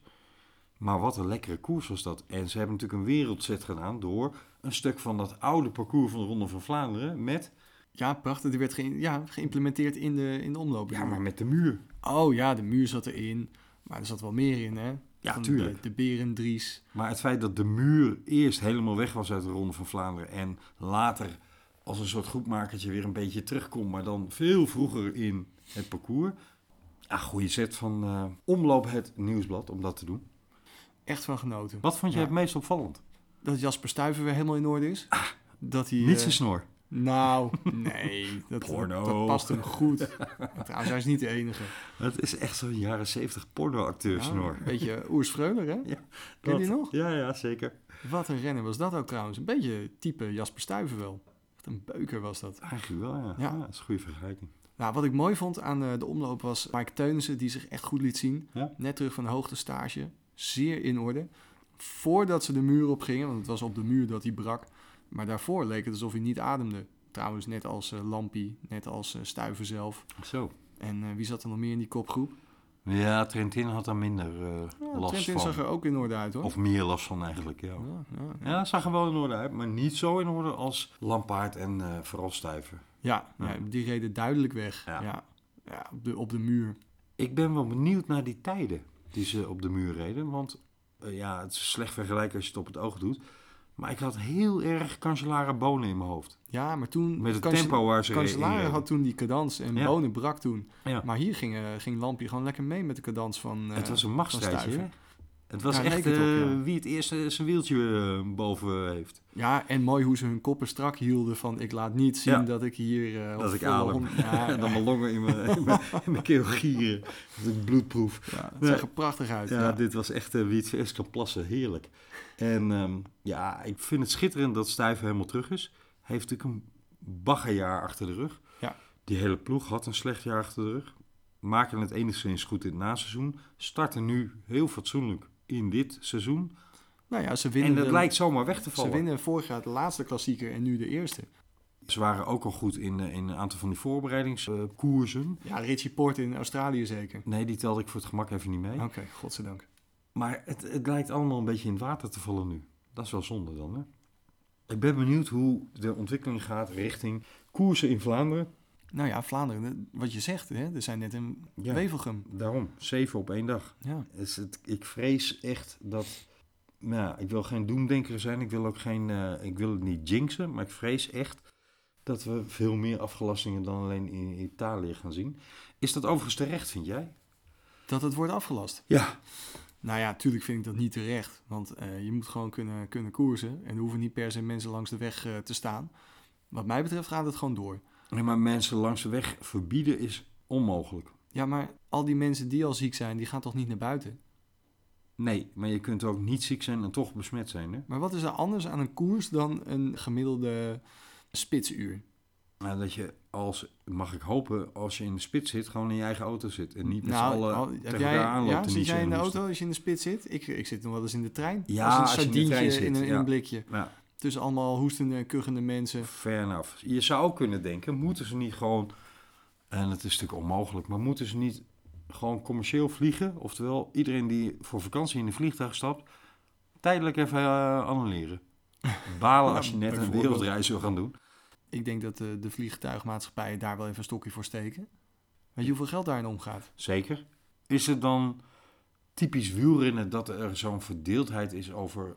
is de hysterie over corona veel te groot... en we zijn nu van allerlei dingen aan het cancelen... en afgelasten terwijl het gaat om die koersen en alles eromheen is bijzaak? Of is de hele wereld gewoon gek geworden? Inclusief het feit dat wij als wielerliefhebbers zeggen: blijf met je handen van onze koers af. Ja, maar ja, goed. Ik, ik denk niet dat wij eh, heel erg objectief zijn. Eh, Dat zijn we zeker niet. Nee, hè? Nee. Dus blijf met je handen van onze koers af. Wat zou, eh, laten we de redenering eens helemaal omdraaien, Don. Team Jumbo had een, een statement waarin ze zeiden: Wij gaan niet naar Italië. Niet alleen vanwege het feit dat we bang zijn dat onze renners besmet raken met dat coronavirus en daaraan al kunnen overlijden. Dat is niet de issue, hè? want dat zijn keigezonde sporters. Die zitten natuurlijk wel op een hele dunne fysieke grens tussen gezond en meteen dikke malheur. Want ja, als je zo scherp staat als veel van die gasten doen, Ja, dan heb je zo een koudje te dan pakken. heb je zo'n koudje te pakken. Ja. Maar Jumbo zei, op het moment dat ze besmet zouden worden door dat virus, gaat het niet over overleven of niet. Zoals bij bejaarden bijvoorbeeld wel geldt. Het gaat wel over het feit dat je hele voorjaar akkoord gaat. Want je bent, je bent misschien een week, anderhalve week bezig met koorts en met ziek in je bed liggen. En het herstel daarvan, dat kan zomaar eens een maand of wat duren. Ja, dat weet ik niet. Er zijn heel veel renners die een koudje pakken, een griepje hier en daar. Ja, Kijk naar Van der Poel op dit moment. ja maar dat is Eh. dus... Die had koorts, maar dat is een griepje. Maar dit is iets, toch een iets heftigere variant van griepen. Ja, Ja. denk je? Oké. Ik ben geen dokter. We moeten dokter Anne eigenlijk even inschakelen Ja. hiervoor. Zouden we aan dokter Anne moeten vragen. Ja. Oproep voor dokter Anne. Kun je ons uitleggen wat nou eigenlijk het grote verschil is tussen corona en een gewoon griepvirus? En wat het fysiek voor impact op je heeft. Op een gezonde wielrenner. Jumbo heeft dus gezegd, waarom zouden we dat risico willen nemen? Want Strade Bianchi, hoe prachtig ook, is maar één koers op de 12, 13 voorjaarskoersen die we willen rijden. Ja, maar ja, als we Sanremo ook gaan afgelasten. Nou, dan zijn het er twee op 12. Ja, oké. Ik denk niet dat Jumbo daar een grote kanshebber is. ook dat. Maar even los daarvan. Zij bekijken het gewoon statistisch en ze zeggen, joh, sentiment moet je even uitschakelen. Je moet gewoon logisch nadenken en zeggen, is het terecht dat wij daar gaan starten? Want is die koers van onmetelijk belang voor wat onze doelen in het voorjaar zijn? Nee. Sorry, ik had, eh, ik had even kortsluiten. Je zei sentiment uitschakelen. Ja, oftewel, is Strade Bianche belangrijker dan Ronde van Vlaanderen? Nee. Is Strade Bianche belangrijker dan Parijs-Roubaix? By far not. Nee, maar als het zo doorgaat, gaan die dus ook niet door. Want als je nu één koers afgelast, dan volgen er ongetwijfeld meer. Een soort domino-effect. Dat zou kunnen, maar het, andersom is het nu ook gaande. Op het moment dat één ploeg zegt: wij gaan niet naar Parijs-Nice, want we vinden het risico toch te groot, Ineos. Mhm. En de UCI staat er toe, dan geef je een vrijbrief om tegen andere, voor andere ploegen ook te zeggen: Weet je wat we doen? We doen niet meer mee. We doen even niet meer mee. Oké, oké, fair enough. Dus als die koers al doorgaat, dan hebben teams zeer waarschijnlijk ook nog een vrij geleide van de UCI gekregen om zelf te beslissen: we doen even niet mee. Ik kan me niet voorstellen dat ze de hoogmis, de Ronde van Vlaanderen, gaan afgelasten. Ik heb gezegd, voordat de Ronde van Vlaanderen afgelast wordt, moet die, eh, die meteoriet die eh, op 6000 lichtjaar van de aarde in de buurt komt, die moet echt inslaan in Vlaanderen. Dan gaat hij niet door. Nou, laten we het hopen. Op de Titanic speelde ook de muziek door, hè? Wacht even, laten we het hopen dat hij inslaat. Nee, dat het, dat het doorgaat. Ja, ja, nee, maar dat Ja. zei je, hè? Voor de goede orde. Ja, Oh, sorry. je beaamde het verkeerd. Kun je dat niet even zo knippen, dat het beter klinkt? Weet je wie nog meer heel erg goed was in de omloop? In de omloop. Ja. Ik zag dat Wout van Aert goed was. Zo. Ik zag dat eh nou, Krek was ook wel aardig. Nou, Maar niet zo goed als Wout van Aert. ja, vind je dat? Ik vond Krek eigenlijk steengoed rijden. Hij maakte misschien Ja, één, zeg ik, één dat hij- tactische misser. Ja. En hij had natuurlijk weer de balen over het feit dat iedereen op zijn wiel reed. Dat is moet- ook wel zo, hè? Dat is ook wel zo, maar daar moet hij toch wel even mee gaan dealen. Want als hij zijn koers daar, daar elke keer door ja, in prut laat rijden. Dan krijg je een eh, tweede Sagan. Het is vorig jaar te vaak met Krek gebeurd, Krek van Avermaat, dat hij net onder de top 5 ergens eindigde. Of, of weet je wel, 4, 5, 6, 7, 8, die plekken. Terwijl hij in potentie de koers had kunnen winnen. Omdat hij gewoon echt de power had en in de koers eh, liet zien dat hij ongelooflijk sterk was. Maar dat hij tegengehouden werd door de ontwikkeling van de koers. Weet je wie daar fantastisch in, in bezig waren in, ehm, in de omloop? En dat is natuurlijk toch een, een ongelooflijk sterk onderdeel van die ploeg. De koning. Ja, uiteraard. Maar dat, Die, jongens, re- die reden weer het hele peloton eh, professioneel eh, hun kaartje in de maar poep. die hebben een ploeg vol met uh, en Van Avermaat. Dat kan CCC niet zeggen. Ja, maar niet alleen dat, maar die, die zijn ook in staat om met een paar jongens dusdanig gepositioneerd in dat peloton te gaan rijden, dat de rest letterlijk de moed in de broek zakt. En daar begrijp ik dus niet zoveel van. Daar moet je dan toch gewoon keihard doorheen fietsen. Dat, ja, Precies wat Jasper Stuyven deed. Ja. Want wat deed Jasper Stuyven? Wat wij van tevoren al een beetje hadden aangekondigd, dat we dat zouden hopen dit jaar. Hij had complete lak aan de koning. Hij ging achterlijk vroeg aan. Ja. Ja. Hij ging erop 70 kilometer eh, vandoor zo'n beetje. Ja, prachtig hè? Ja. Echt een En- terechte winnaar. Ja, zeker. Maar je kunt zeggen, ja, toeval, want dit en dat, zo en zo. Uiteindelijk loont het dus de moeite om te zeggen, weet je wat, we knallen erin. En als het schip strandt, is het waarschijnlijk eentje van de koning die het pakt. Maar als het wel slaagt, heb ik in ieder geval mijn eigen kans gecreëerd. En dat laatste is iets wat Krek van Avermaat in mijn ogen meer moet doen.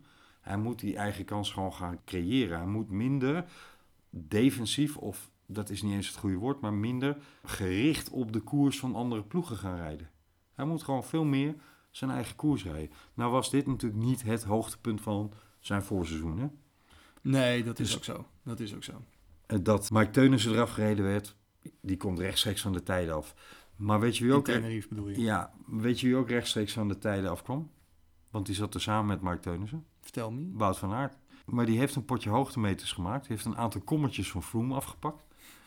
Dus die was eh, aardig gaan trainen daar. Had ik dat net even geweten voordat ik mijn Scorito-team eh, moest samenstellen? Ja, dat, ik wist het niet, maar ik heb er toch op gegokt. Om Ja. eh, Wout van Aert in mijn team te nemen. Omdat hij namelijk ook de Strade Bianchi ging winnen. En ik durfde het niet aan. ik, ik had te veel twijfel Nee. over... ehm, ja, had hij nou wel specifiek een beetje voorbereiding gehad? Nou, hij blijkt dus eh steengoed in vorm eh, te komen. We hebben het nu over eh, de omloop. Moeten we Kuurne nog even bespreken. Ja, want jij wilde eigenlijk wel iets over Caspar Askreen kwijt, toch? Echt, echt bizar. Ja, toch? Goed, ja. Wat moet je daarover zeggen? Dat het knap is. Dat het, knap, ja, maar het ongelooflijk toch? Dat- Zag die mannen beuken van Sunweb op kop van het peloton en ze kwamen geen, geen millimeter dichterbij. Nee. En dit duurde gewoon eh, tientallen kilometers. Bleef hij in zijn eentje daar eh, op kop rijden.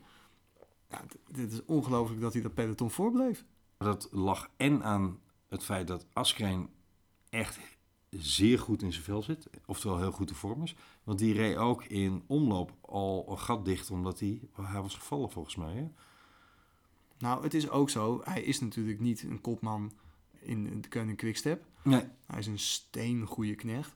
Dit was zijn kans. En dit was nu of nooit. Ik denk dat hij wel eh 2000% heeft gegeven. Ik hoorde vandaag eh, de podcast De Koers is van ons van het Nieuwsblad. En daar hadden ze Tom Steels als gast, een van de eh DS'en van de Koning. Die vertelde Een van de hilarisch. ploegleiders. Ja, die vertelde een eh, directeur sportief. Dat is toch een ploegleider? Ja, maar je zegt DS'en. Ja. Er staat op de LVA zeker. op dit lijst van afkortingen. Sorry, mag ik geen team trial, time trial zeggen? Tijdrit? Oké, ik zal het in het Nederlands doen. Ehm een van de ploegleiders, maar die had een hilarisch verhaal over Askreen. Die was dus gevallen in de omloop. En hij reed achter Askreen aan in de auto terug naar het peloton. Maar die fietsen die hebben zo'n zo'n eh, Velon-sensor in sommige koersen. Daar wilde U- UCI overigens ook korte metten mee maken. Maar goed, dat terzijde. Wat doet een Velon-sensor? Die registreert wattage, die registreert cadans en die registreert ook GPS, zodat bijvoorbeeld ploegleiders kunnen zien wie waar zit van hun eigen ploegen. Ze Ah, zien alleen dus hun een eigen soort ploeg. Garmin, maar dan Ja. Advanced. Ja, nou. Advanced. Wat had Tom Steels gedaan? Die had eh Casper Askreen eh, was gevallen, die had hem een nieuwe fiets aangereikt, fiets snel op het dak gezet.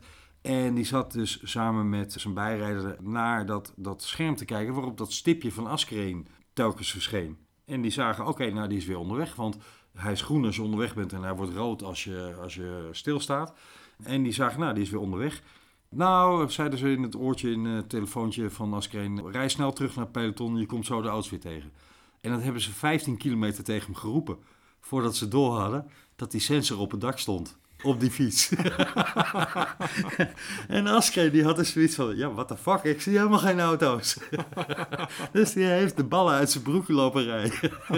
en die dacht waarschijnlijk ook, eh, motivatie dit joh.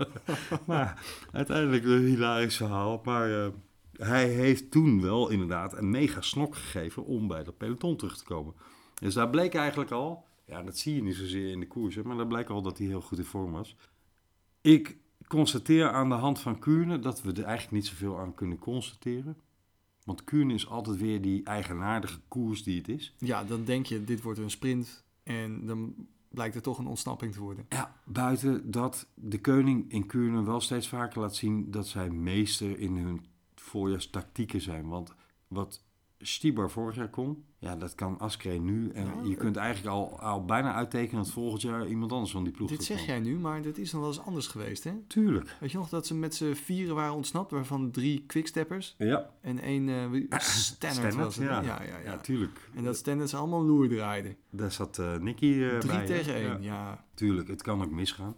Maar in dit geval, zij hebben gewoon de gave om als ploeg op een of andere manier die koers beter te lezen in het voorjaar dan welk team dan ook. Ligt het aan hun individuele kwaliteiten? Zeker. Maar zijn het nou stuk voor stuk mannen die... eh, die eh, zou jij heel team Quickstep opnemen als je 20 man van Quickstep in je Scorito pool mocht hebben? Eh, ik denk het wel, als ik het kon betalen. Ja, serieus? Ja, die gasten winnen 50% van de koersen bijna. Ja, dat is ook wel weer waar. En als ze hem niet winnen, zitten ze heel dicht. Nou, laat ik het anders zeggen. Als je gewoon stuk voor stuk de afweging zou gaan maken. Eh, je- Bijvoorbeeld je zegt ehm Krek van Avermaat of Stibar. Hmm, moeilijke, moeilijke. Toch? Want Stiba die krijgt heel veel teampunten. Dat kun je van Krek niet zeggen. Maar hij wint niet zoveel. Nee, nee, maar... dat kun je er een Krek ook wel zeggen. Ja, inmiddels. Maar een goede kans dat hij eh, wel dat hij dan een goede uitslag rijdt. Ja, maar je voelt precies wat ik bedoel. Individueel afwegen is al veel lastiger. Ja. En als team zeg je in één adem... Nee, dan neem ik ze alle twintig. Bam. Natuurlijk, ja. Want het zijn niet alleen die renners. Het Nee. zijn ook die ploegleiders. Precies, het is dat hele Wolfpack verhaal. Ja. Wat, wat maakt dat, ja... Ik zei maandag tegen jou, is de Koning Quickstep eigenlijk niet de dood in de pot van het voorjaar? Is het niet een beetje het team Ineos van het voorjaar? Ja, Is maar met de kanttekening dat Ineos een hele saaie grote ronde rijdt. Ja. Omdat ze alleen maar aan het controleren zijn. En de Koning Quickstep rijdt aanvallend. En prachtige, prachtige koerstactiek. Fair enough. En het zijn de hele tijd andere paarden waar je op kan wedden. Want dat is ook de kunde, hè? No matter welke grote naam er weggaat, ze vangen het altijd weer op. Ja, zeker. Het is Ja. echt een gave hoor. Hoe die ploeg dat, dat voorjaarsspel beheerst. Dat is echt een gave. Ik vind wel dat Jumbo een uitstekende omloop gereden heeft. Er was een hoop discussie over... is het nou goed of slecht geweest dat Wout van Aert achter onder andere de kopgroep met Mike Teunis aanreed? Volgens mij was het een slimme zet. zeg, Van was Marker mag je voor mij altijd meenemen naar de finish. Ja, oké, oké. Die haalde het overigens niet. Maar toen ging je rijden met Krek van Avermaat. Nou ja, Krek heeft een aardige, aardige finish. Maar stel dat je aan de finish komt met Mark Teunissen en Krek van Avermaat. Teken ik Ja. wel uit wie er wint. Dat denk ik ook. Ik denk ook, denk ook dat Mike Teunissen dat kan winnen. Ja, En als je ook nog Wout van Aert erbij hebt zitten, precies. Ja, die ook aardig kan aankomen. prachtige extra toef. Dus je zag dat Wout van Aert gecontroleerd pogingen deed om naar die groep toe te rijden. Daar zat overigens een groepje tussen met ook een Jumbo-Visma-renner die, die een uitstekende koers reed. Pascal Eenkhoorn. Ja, Ja, die reed eh, voor zijn eh, toch jeugdige leeftijd een buitengewoon leuke ja, koers. prachtige jonge renner. Die komt er wel. Hij is net eh 23 geworden, geloof ik. Ja, klopt. Ja, die komt Ja. wel. Maar die, die, die was een mooi bruggetje voor Wout van Aert. En Van Aert nam niet het hele peloton op sleeptouw. Hè? Dat, eh, ik bedoel, hij had de macht om weg te rijden. Uit een toch nog wel omvangrijke groep. Maar hij deed gecontroleerd, waardoor dus niet heel het peloton in zijn wiel hing. ja, nee, ja. Dus ik vond het een slimme tactiek. Teunis had toen zelf waarschijnlijk al aangegeven, want hij heeft geroepen. Ik had aangegeven richting de ploegleiding dat ik niet helemaal oké was. Ja, die zat gewoon leeg te gaan aan de hand van zijn hoogtestage. Dat hebben we ook wel gezien. hè. Ja. Ja. Dus ik vond het een tactisch goed gereden koers. Kan Jumbo nog groeien? Absoluut. Want zowel Van Aert als Teunissen komen net van die hoogstage af. Ja, die wordt alleen maar beter. Die worden alleen maar beter. Dat geldt natuurlijk voor meer mannen die hun seizoenspiek wat later hebben gelegd. Tenminste, laten we het hopen, want eh, ze missen nu wel een beetje koershardheid. Doordat ze niet de straden gaan rijden. Ja, maar dat was nou juist de reden dat Wout van Aert zei... ik ga het omloop doen. Dus die heeft hij alvast mooi binnen. Wie ehm, niks binnen heeft, maar ook weinig gemist heeft... Mathieu van der Poel. Ja, Want uiteindelijk viel het dus wel mee. Omloop en Kuurne, ja. ja die, die mis je dan. En de rest mist iedereen. Iedereen mist de straden. Ja. Maar ook hij, geen koershardheid. Nee, hij schijnt eh, in Italië te eh, zitten of hebben gezeten. Hij heeft maandag... Noord-Italië. Hij, nou, hij was dus onderweg. Hij was afgereisd naar Italië om voor de strade. Want dat team heeft niet gezegd, we gaan hoe dan ook niet koersen. Maar bij de afgelasting vertrekt hij nu volgens mij op hoogtestage naar Spanje. Dus die zien we inderdaad ook pas over een paar weken weer in koers terug. Net zoals eh, ja, de meeste van het peloton. Er is gewoon een paar weken geen koers, Don. Ik kan het me niet voorstellen. Het is eigenlijk gewoon verschrikkelijk. Weet je wat wij even moeten doen, eh Don? Laten wij onze beste luisteraars eens of luistertips of kijktips geven. Hoe ze in hemelsnaam dat zwarte gat kunnen gaan vullen. Ja, Wat er, als het goed is, vanavond in ieder geval aankomt, of morgen, is deel 2 van What It Takes. Dat is die eh, documentaire-achtige, ja, het is een documentaire van Annemiek van Vleuten. En haar team, Mitchelton Scott. En dit wordt de tweede aflevering erin. Heb je de eerste gezien of niet? Ik vond hem echt nee, fantastisch. nee, ik heb het niet gezien. Nee? Nee. Hoe ze op trainingskamp was met die, eh, met die mannen van eh, team eh, Mitchelton. En ja, hoe ze dus als een beer aan het afzien was, zonder dat ze dat per se wilde laten blijken. En Is het ook met beelden uit Colombia? Nee, want dat was een individuele stage eh, die ze deed. Ah, oké, oké. Nee. Maar deel 2 gaat volgens mij over haar psychologische toestand. Hè? Wat, wat motiveert haar, wat drijft haar enzovoorts. Nou, daar ben ik ook zeker benieuwd naar om dat te kijken. Want wat een kanjer is dat? Die staat Over- online, toch? Die eh, staat of nu al online terwijl we dit opnemen, of komt bijna Ja, online. En via eh, haar website, volgens mij annemiekvanvleuten.nl, Ja, en ook kun je dat via, linkje vinden. ja, en ook via, als je op Mitchelton Scott zoekt op YouTube, kom je er ook. Oké. Ja, what it takes. Doe maar, doe maar via annemiekvanvleuten.nl.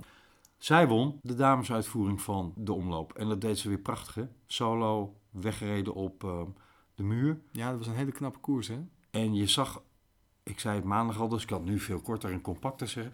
Je zag eigenlijk op de muur precies gebeuren waar zij in Colombia op getraind had. In, wat heel mooi in dat mini-docuutje van Hancock van de NOS zat. Nee, Annemiek was, was in Colombia echt aan het trainen op die hoogintensieve, korte explosies. En dat was, hoewel ze niet een, een, een hele explosie op de muur had... Maar je zag wel dat ze op de muur aan het wegrijden was. En stuk voor stuk, voor stuk, voor stuk, voor stuk moesten ze haar achterwiel laten gaan. Ging niet zo van patsboom weg. Maar het was echt gewoon op tempo omhoog rijden. En een dusdanig tempo dat niemand erbij hield. Ja, ja. Dat, dat gaat niet korte de, muur. en dat gaat niet de eerste keer zijn dit seizoen hoor. Nee, Eh, nee. ja, sorry. Het is wel de eerste keer dit seizoen. Maar het gaat niet de laatste keer zijn. Die gaan we echt heel dominant zien. 100%. Nou ja, je had het over weddenschap in het begin. Eh, hier durf ik wel wat geld op te zetten. Oh, ik dapper. denk alleen niet dat de return heel groot is. Nee, ik denk dat eh, return on investment kun je beter op een eh, dark horse gaan. En dat is Annemiek absoluut niet dit jaar. Maar applaus mensen, wat een weergeloos koers reed hij. Heeft gewoon puur de koers naar de hand gezet. Kan ze dit ook op een, een, een vlak parcours? Nou, dat zou ze ongetwijfeld kunnen, maar dat wordt wel een stuk lastiger. En dan krijgen we veel meer met wind te maken. Dan komen Marianne Vos en Anne van der Breggen en, en, Ja. en noemen eh, nog een aantal maar op. Zeker eh, veel meer in het spel voor. Ga er bergop, dan zijn er op dit moment, ik zou niet weten wie haar bergop moet af en toe Nou, ik ben benieuwd of Anne van der Breggen dit jaar nog een, eh, een, een, een, een, een duit in het zakje kan doen. Ja, die heeft gezegd in een interview dat de manier waarop Van Vleuten train- traint, en dat is op het positief, eh, ik bedoel dat positief, maar bijna op het maniacale af. Zo bezeten van haar vak, op de goede manier, nogmaals. Maar Van der Brecht heeft gezegd, een maand op stage in Colombia, nou dat is dus echt helemaal niks voor mij. Oké. Dat ga ik niet doen. Ik doe het op mijn manier. Oké, nou ik ben benieuwd hoe dat uitpakt. Ik ook. Ik ben benieuwd of we aan het eind van dit jaar misschien moeten constateren dat alle dames hun trainingsmethodes misschien wel moeten gaan herzien.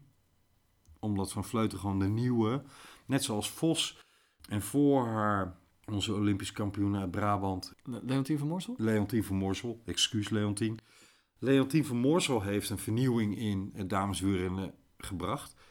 Marianne Vos heeft dat zeker gedaan. Hè, die heeft zoveel invloed gehad op hoe koers je, waar koers je, wat koers je en hoe doe je het in de uitvoering.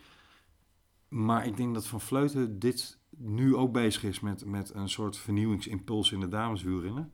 Ja, waar, eh, waar iedereen aan, aan het eind van dit jaar lering uit moet gaan trekken door te zeggen... Goh, Ja, als ze straks in Tokio met die gouden plak om de nek eh, staat, dan zullen heel veel mensen zich eventjes... op En de Ronde van. Vlaanderen. En Parijs. Ja. Ja, ik weet niet of ze Parijs-Roubaix gaat rijden. Maar Giro Rossa laat ze volgens mij eh, enigszins links liggen als doel dit jaar. Ik weet niet of ze hem helemaal niet rijdt, maar het is niet haar focus. Het is echt Olympische Spelen. Ja, en terecht. En het voorjaar. Daar heeft nog een appeltje mee te schillen. Mm, Ja, hoewel ze er zelf een hekel aan heeft als mensen zeggen dat haar motivatie in een soort van revanche op Rio ligt. Hè? Want dat is het absoluut niet voor haar.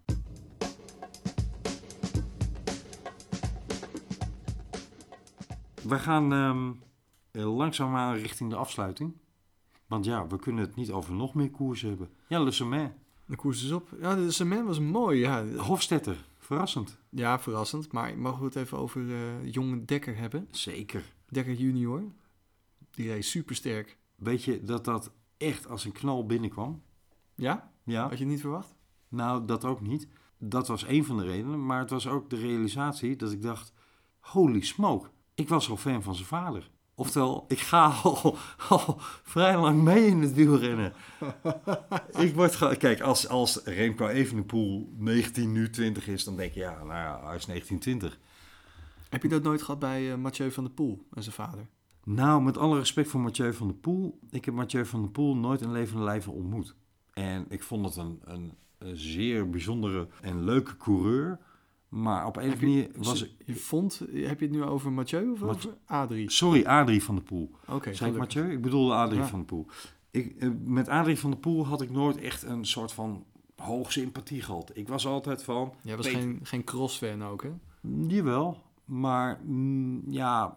Adrie van der Poel was, is maar één keer wereldkampioen geweest. hè, En had, had Op de cross bedoel Op je? de cross. Ja, ja, ja. En hij heeft, maar hij heeft ook Vlaanderen gewonnen. Zeker. Nou, ik bedoel, fantastische rennen, daar gaat het niet om. Maar je hebt sowieso je sympathieën voor bepaalde type renners. En Adrie van der Poel was in mijn ogen altijd een beetje de, de Nederlandse Sean Kelly, maar dan net iets minder. Oké, oké. En ik had het sowieso altijd al wel iets meer op eh klassementsrenners dan op, op klassieke renners. En in de cross, ja, ik was toch wel een beetje van, eh, van onze kleine. Richard Ja. Groenendaal? Ja, van Richard Groenendaal. Echt, eh, Ja, een beetje de underdog. Oké. Ik bedoel, ik heb hard gesupporterd voor Adrie eh, in het veld hoor, daar gaat het niet om. Maar bij Adrie en Mathieu had ik dat veel minder. Maar ik heb, ik heb, ik, ik heb nog een foto van mezelf met Erik Dekker. Omdat ik ja, Erik Dekker bewonderde vanwege die drie overwinningen in de Tour. Vanwege, hij won volgens mij een keer het Super Prestige. Nee, dat heet niet Super Prestige, maar... Hij won het UCI... Jaarklassement? Ja, klassement. precies. Ja, die hele rare regenboogachtige trui. Nou ja, dat. Dus eh, de Erik Dat was een beetje de regenboog van zo'n eh zo'n videocassettefabrikant. PDM. Nou, niet PDM, Nee, maar eh, daar Ja. deden die kleuren wel aan denken. Zo van, Ja, kijk, we hebben heel veel kleuren op onze videotapes. Ik vond Ja. het geen mooie trui, laten we het zo zeggen. Nee, maar het feit dat zijn zoon nu een weergeloos koers rijdt, dat kwam ineens wel binnen. Dat ik dacht, oké, ik zit gewoon naar de volgende generatie Dekker in het wielrennen te kijken. Ja, dat, eh, dat, dat, ik ben heel benieuwd dat waar, die, dat heen gaat. Zeker. Zeg Racing rijdt hij voor, hè? Ja, hadden we het niet toevallig vorige, vorige podcast al over zeg gehad? Ja, ja, zeker. Ja, ja, ja. Sharp. Ja. Ja. mooie ploeg. Er zitten een hoop jonge talenten altijd en elk jaar weer bij. Doen ze goed daar. Overigens, ik moet even een kleine... Het is niet zozeer een rectificatie... als wel een toevoeging op waar wij het vorige podcast over gehad hebben. We hadden het over jeugdfietsen. En ik heb daarin geroepen... er mag wel een Jumbo-Visma opleidingsploeg komen. Maar Jumbo-Visma heeft nou juist precies gedurende onze vorige podcast... een nieuw plan gelanceerd. Of in ieder geval toegelicht dat ze met veel meer bezig zijn dan dat. Want die zijn ook met jeugdfietsen aan de slag Oh, gegaan. dat is wel eh, zeker een rectificatie waard. Ja, eh. die brengen ook het jeugdfietsen naar de scholen en, en eh, jeugdorganisaties toe, als in evenementen waar veel jeugd op komt enzovoorts, om ze dikke bandenraces te laten doen, om wattage trainingen zijn het geloof ik, om te kijken van, nou, Voor kinderen? ja, niet zoals profs ermee omgaan, maar wel van, hè, kun je een beetje trappen en hoe hard kan je trappen? Heb jij dat nooit met roeien gedaan? Vroeger hadden, hadden ze Nee. bij roeivereniging van die selectiemomenten op universiteiten. Dan, dan eh, gooiden ze gewoon zo'n roeitrainer in de hal. Camille, toen ik op de universiteit zat, was ik niet bezig met eh, roeien. ik Nee. vertellen. Nee, ik, ik brak bijna mijn nek over die roeitrainer, joh. Ik kon er niet omheen. Maar dan mocht je erop gaan zitten en dan keken ze of je er een klein beetje aanleg voor had. Oké. Nou, dat is Jumbo-Visma nu ook met, met dat jeugdfietsen aan het doen. Ik moedig dat ten zeerste aan. Absoluut goed. Schoolwielrennen.nl. Ik wil ook dat andere project nog even benoemen. Mochten er nog mensen Oh, dat ga ik even googlen. geïnteresseerd zijn. Ja. Nee, dit is dus van wat we de vorige podcast riepen. Ja, ja, ja. Ja. Don, we gaan eh, zo'n beetje richting de afsluiting. Ja, want het, eh, het is alweer laat, Camille. Ik ga je de deur uittrappen. Ook dat. Maar niet voordat ik wil vermelden dat we twee hele leuke projecten in het verschiet hebben voor de Velevolie podcast. Ja, maar laten we niet eh, de huid verkopen voordat de beer geschoten is. Ik ga gewoon een teaser doen. We gaan een ongelofelijke wielerheld uit zowel het klassieke voorjaar Als uit het ronde rennen. als het rondrennen gaan wij, eh, daar gaan we een heel bijzonder project mee doen. En dat zal zeer waarschijnlijk gaan bestaan uit een special en uit een groot interview. We gaan het zien, Camille. We gaan nog niet roepen wie. En Don, we gaan een wat recentere, niet meer actieve, maar nog niet zo heel lang geleden gestopte renner te gast krijgen in de Velevolie podcast. En daar gaan we ook een hele mooie uitzending mee doen, waarbij we hem van alles te bevragen hebben over hoe zijn leven zich ontwikkelt na de koers. We gaan het denk ik iets minder hebben over in de koers, want daar is hij genoeg voor in de publiciteit. Daar weten heel veel mensen al wel iets vanaf. Maar juist hoe ontwikkelt hij zich als, als mens na zijn wielerleven? Daar ben ik heel benieuwd naar. Ik ook. Zullen we die namen wel noemen? Nee. Nee? Let's keep it teasing. Voor de, Cliffhangers. voor de attente eh, luisteraars, zijn achternaam is recent in deze uitzending gevallen. En meer zeg ik er niet over. hey Don, het was mij een genoegen. Ondanks het grote gapende zwarte gat voor ons, laten we hopen dat Ronde van Vlaanderen, Parijs-Roubaix, Luik, Bastenaken, Luik niet in het geliefd. Oh, eh, laatste. Ik luister vandaag naar Kop over Kop, de podcast van Eurosport met de geprezen Bobby Traxel en Jeroen van Belgem en, en nog een aantal anderen, Jan Hermsen, maar die was er vandaag niet bij. Maar ze kregen de keus voorgelegd, als je één van de vijf monumenten moet skippen, Dan is het Milaan Sanremo. 100% eens. Raad eens wat Bobby Traxel koos. Oh nee. Wat, zei die de Ronde van Vlaanderen? Nee, Roubaix? nee, Nou, zeg het me. Lombardije. Ja. Bobby het- Traxel, ga je schamen. ga je diep, diep schamen. Ik wil in de volgende uitzending van Kop over Kop een diepgravende uitleg van Bobby Traxel horen waarom Lombardije. Ja, die hoort niet bij het voorjaar. Nee, maar het, het, is toch een weergeloos mooie koers? Ja, oké. Maar hier hebben we de hele winter naar uitgekeken. En Lombardije is meer een beetje van... Dat wil was je, ook zijn argument. Wil je na het toetje, wil je misschien nog een extra chocolaatje? Dat was precies zijn argumentatie. Het is mosterd na de maaltijd. Ik heb het niet geluisterd, hè. Dus, Maar eh, is dat niet een argument om te zeggen... moeten we dat Vlaam, eh, Vlaams voorjaar, hoe mij nou... dat Italiaanse najaar niet veel meer de status gaan geven van het Vlaams voorjaar? Eigenlijk wel, want er zijn prachtkoersen daar, hè. De Daarom. ronde van Emilia, de, de ronde van, nou noem maar op, Toscane. Wel, Prachtig. En het is allemaal een beetje eind september, begin oktober. Er vallen inderdaad bladeren. Het is daar nog net een tikkie aangenaam weer, maar het begint ook al hier en daar wat regen te vallen. Het, het is, ik vind het prachtig, het Italiaanse najaar. Het ik moet toch- bekennen, ik ben ook zelf wel een aantal keer in, dat, eh, in die periode daar geweest. Ja. En het is echt heel mooi fietsen.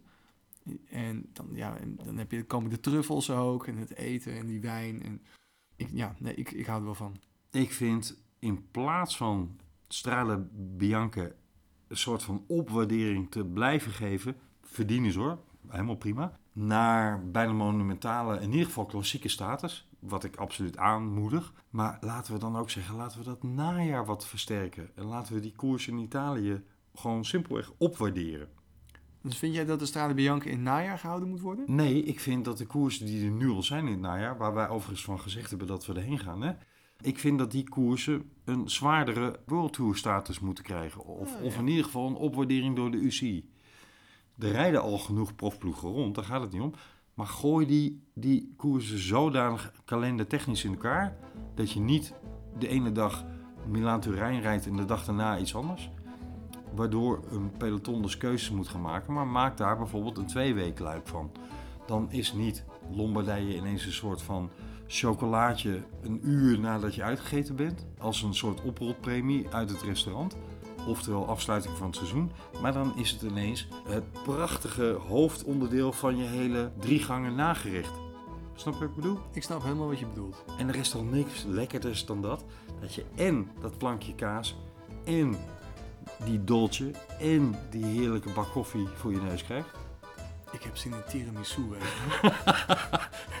Ik in koffie. Don, het was mij, eh, ondanks het zwarte gat er genoegen. Eh, beste luisteraars, wij hopen snel weer ehm, bij jullie terug te zijn. Maar het is Om een even... koers te bespreken, want ik hoop dat die koersen doorgaan. Ik wou net zeggen, het is even afwachten wat de aanleiding is waarom we terugkomen. Is dat koers of is dat om wederom te moeten praten over dingen die juist ontbreken in de koers? Laatste zwarte gat tip voor dit weekend, nu je niet naar de straten kan kijken. Kijk dan naar de Flandriëns van Sportza. Prachtige serie op YouTube te vinden. Eh, onder andere Henny Kuiper zit erin. En het gaat over alle winnaars van zowel Ronde van Vlaanderen als Parijs-Roubaix. De Flandriëns. Weet je wie er ook in zit? Nou, Erik van der Aarde. ja. Mooie afsluiting. Don, Hey, Dankjewel. laten wij klinken. beste luisteraars, dit was hem. Bedankt voor het luisteren. Wil je een recensie plaatsen? Doe dat alsjeblieft op Apple Podcast. Of welk platform je dan ook sterren of iets dergelijks kan geven. Wil je op- en aanmerkingen over deze uitzending eh, naar ons toesturen? Doe dat ofwel op Twitter, Velofilie. Of velofiliepodcast.gmail.com Mais oui. Don, Camille, hasta la próxima, denk ik, hè? Ves.